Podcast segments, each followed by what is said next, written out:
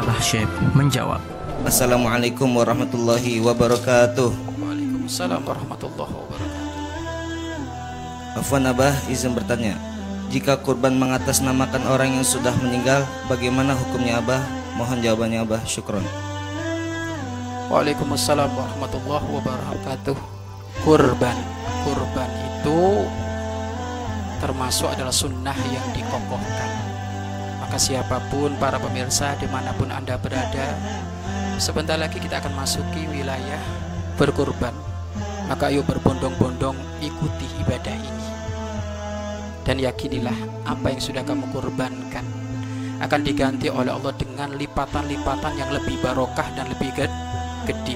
Seperti hanya Nabi Ibrahim alaihissalam yang rela mengorbankan putranya untuk kepentingan Allah Subhanahu wa taala. Maka saat itu tidak tidak lagi jadi tersembelih itu Ismail akan tapi diganti oleh Allah dengan seekor domba dari surga.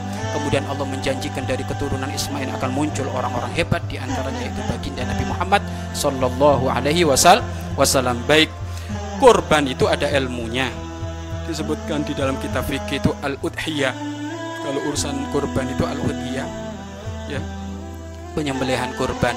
Kurban itu adalah sunnah yang dikokokkan. Makna itu sunnah dikokokkan itu ada dua sunnah ainiyah, sunnah kifayah ya sunnah ainiyah sunnah kifayah sunnah ainiyah itu apa siapa pun yang ada rizki lebih maka dia dianjurkan untuk berkorban atas dirinya sendiri ya atas dirinya sendi sendiri kemudian kalau dia sudah berkorban bukan berarti setelah itu sudah gugur ada sunnah kifayah.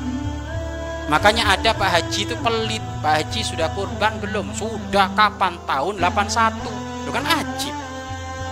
Tahun 81 Duitnya nggak habis-habis. Suruh diajak kurban Sudah nggak? Ini ilmunya nggak nggak nyampe dia. Kurban itu setiap tahun. Kurban itu. Memang sunnah ainiyahnya sudah dilakukan Tapi ada sunnah kifa, kifayah. Sunnah kifayah itu setiap tahun Kalau kita mampu melakukan Ada duit lebih Alhamdulillah. Ya. Ini jadi sunnah bagi dirinya di saat dia ada lebihan ris rizki.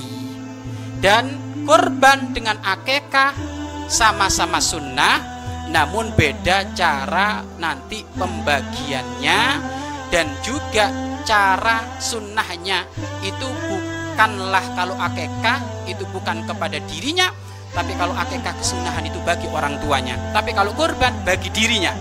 Ya bagi diri dirinya. Lah kalau memang kesunahan itu bagi dirinya mengeluarkan korban bagi orang yang mati tidak dianjurkan. Kenapa? Karena sudah mati. Tidak dianjurkan. Namun andekan tetap melakukan seperti itu jatuhnya bukan korban jatuhnya jadi sedekah.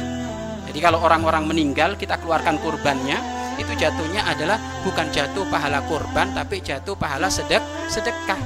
Karena kurban itu ya kurban itu hanya untuk dirinya yang yang apa? Yang ada lebihan harta ya ada lebihan harta. Baik itu sunnah ainiyah apakah sunnah kifa kifayah? Kalau untuk orang sudah wafat sudah wafat namanya orang sudah wafat maka tidak dianjurkan anjurkan kalau mau ngasih hadiah ya orang hadiah yang yang hidup saja. Walaupun jika tetap memaksa jatuhnya adalah sedekah ing infak. Jangankan urusan kurban. Urusan mati. Orang mati punya hutang sholat. Disepakati para ulama disepakati para ulama pendapat yang dikokokkan gak wajib dikodok. Tidak wajib bayar fidyah. Kan ada empat pendapat itu. Ada empat pendapat. Ya ada pendapat-pendapat yang dikokokkan adalah tidak wajib kodok tidak wajib fidyah ini badal sholat hukumnya wah wajib. Ya, pendapat yang kedua wajib kodok. Pendapat yang ketiga wajib fidyah. Pendapat yang keempat wajib kodok dan wajib fidyah.